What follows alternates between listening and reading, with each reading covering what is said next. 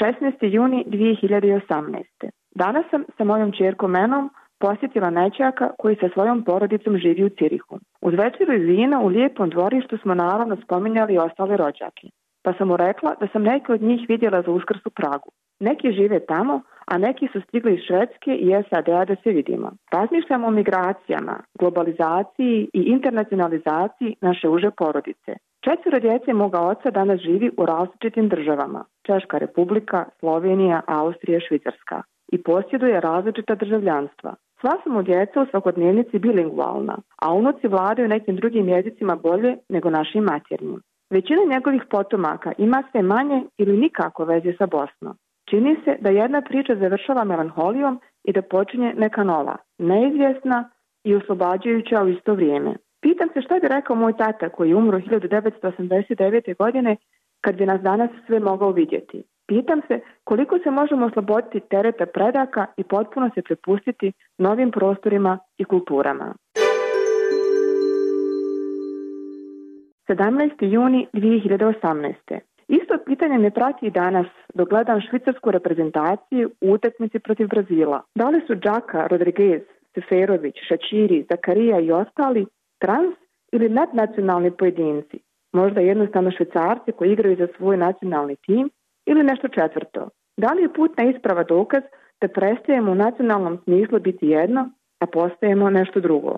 Mnogi Albanci danas iz vlastitih nacionalnih pobuda navijaju za Švicarsku iako znaju da se u njihovim životima ništa neće promijeniti ako Švicarska pobjedi ili izgubi.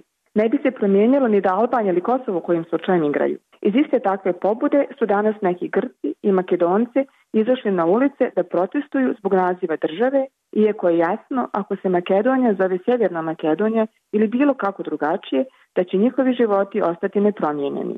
Možemo li reći da gube živce i vrijeme bez potrebe ili im nacija možda ipak daje neko utočište? lažno ili stvarno. 18. juni 2018.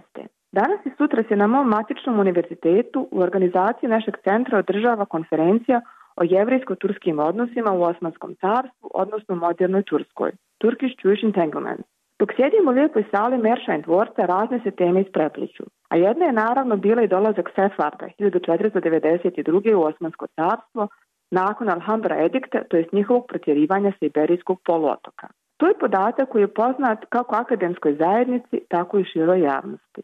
Često se i pomalo romantizira i uzima kao neoborivi dokaz osmanske otvorenosti. S druge strane, neuporedivo manju popularnost je dosegla činjenica da je veliki broj jevreja tad, kao i dalje tokom 16. vijeka, nakon protjerivanja iz Austrije, Češke i Svetog Rimskog carstva, utočište našo u Poljskoj. Prva priča je poznatija jer je ranije ušla u internacionalni naučni diskurs i dublje se usidrila.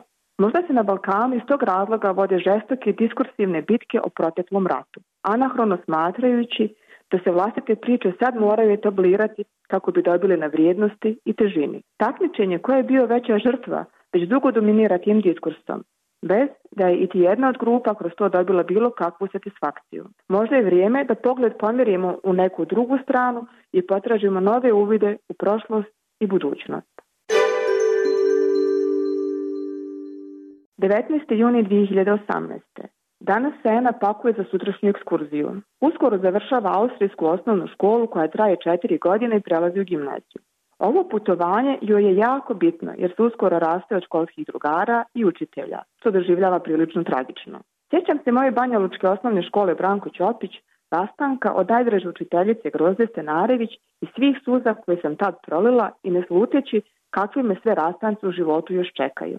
Rastanci zbog smrti najbližih, rastanci od najboljih prijateljice i prijatelja zbog rata, rastanci od partnera, rodbine, rastanci zbog selitbe radi posla i sl. Bilo ih i prediše i još nisam mogu glala na njih. Pogađaju me i dalje. Samo se malo bolje znam nositi s njima. Znam kako je Eni sad i ne želim je govoriti da to nije ništa i da joj teži rastanci tek predstoje. 20. juni 2018. Jutro je buđenje spremanje za školu prošlo mu njevitom brzinom. Otpratila sam menu do škole na autobus. Dan je krenuo dobro. U školi sam sela prijateljicu i odmah rano ujutro razmijenjala koju laganu i ugodnu riječ. Ispred škole je bio kolega čija čerka ide u vrtić koji je u istoj zgradi gdje je škola. Nakon toga sretne mog najdražeg i najboljeg majstora koji je također upisao djecu isti vrtić. 100 metara dalje druga kolegica sa posla i small talk se nastavlja. Osjećam se domaći i lijepo u gradcu. Odlučim da naras ne čitam vijesti iz Austrije da mi Kurt, Strahe Ko ne pokvare dan. Ostajem duže na poslu i nakon toga idem u grad da se vidim sa prijateljima koji sam već duže vrijeme zapostavila. Večer je topla, grad pun ljudi, čuje se muzika. Prijatelji su divna stvar u životu. 21. juni 2018. Pripreme za dolazeću konferenciju Nacionalizam u vrijeme neizvjesnosti koja će se održati u gradstvu od 4. do 6. jula su uveliko u toku. Odlučili smo učesnicima, kojih će biti preko 300, prirediti i malo zabave između panela, te ćemo im ponuditi konferenciji tematski bliske indie video igrice. Odebrali smo četiri. Prva igrica je Papers, Please, u kojoj dobijete ulogu imigracionog inspektora koji kontroliše tok ljudi. Među mnogim imigrantima i posjetiocima koji traže posao su skriveni šverceri, špijuni i teroristi. Na vama je da odlučite ko može ući, ko će biti vraćen, a ko uhapšen. Ako dobro ne radite svoj posao, to ima konsekvence po vaš život i život vaše porodice. U drugoj igrici, This War of Mine, ste u opkoljenom Sarajevu. Ali ovdje se ne igrate kao elitni vojnik, kako se to radi u većini igrica sa ratnom tematikom, nego kao civil koji pokušava da preživi u opkoljenom gradu, boreći se sa nedostatkom hrane, lijekova i stalnom opasnošću od snajpera. Igra pruža iskustvo rata iz potpuno novog ugla. Treća igrica Pass Out je najaktualnija. Nju je napravio sirijski autor prema vlastitom iskustvu bježanja iz Sirije preko Turske, Balkana do Srednje Europe. Posljednja igrica koju smo odabrali je Sunset. To je igra koja obrađuje građanski rat u izmišljenoj južnoameričkoj zemlji iz perspektive spremačice u stanu bogataša. Ideja koja stoji iza svega naravno nije samo zabava učesnika, nego i testiranje novih mogućnosti edukacije, primanje informacija, širenja ideja te prednosti i mane primjene istih. 22. juni 2018. Mama mi u zadnje vrijeme često posjećuje ljekare u Banja Luci. Imala je više zdravstvenih tegoba i obilazila je razne zdravstvene ustanove. Pored siromašnih i otežanih uslova za rad koji tamo vladaju, svaki put je bila oduševljena ljubaznošću i profesionalnošću tamošnjeg zdravstvenog osoblja. Još niko nije niti tražio, niti ona nekome dala bilo kakvu kompenzaciju za taj rad.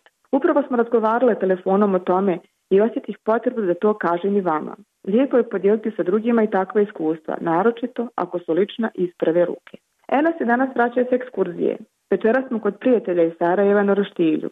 Očekujemo ćevapi i suđukice u Somunu i puno smijeha. Kad malo bolje razmislim, većina ljudi koji su mi uljepšali ovu sedmicu govore istim maternim jezikom kao i ja.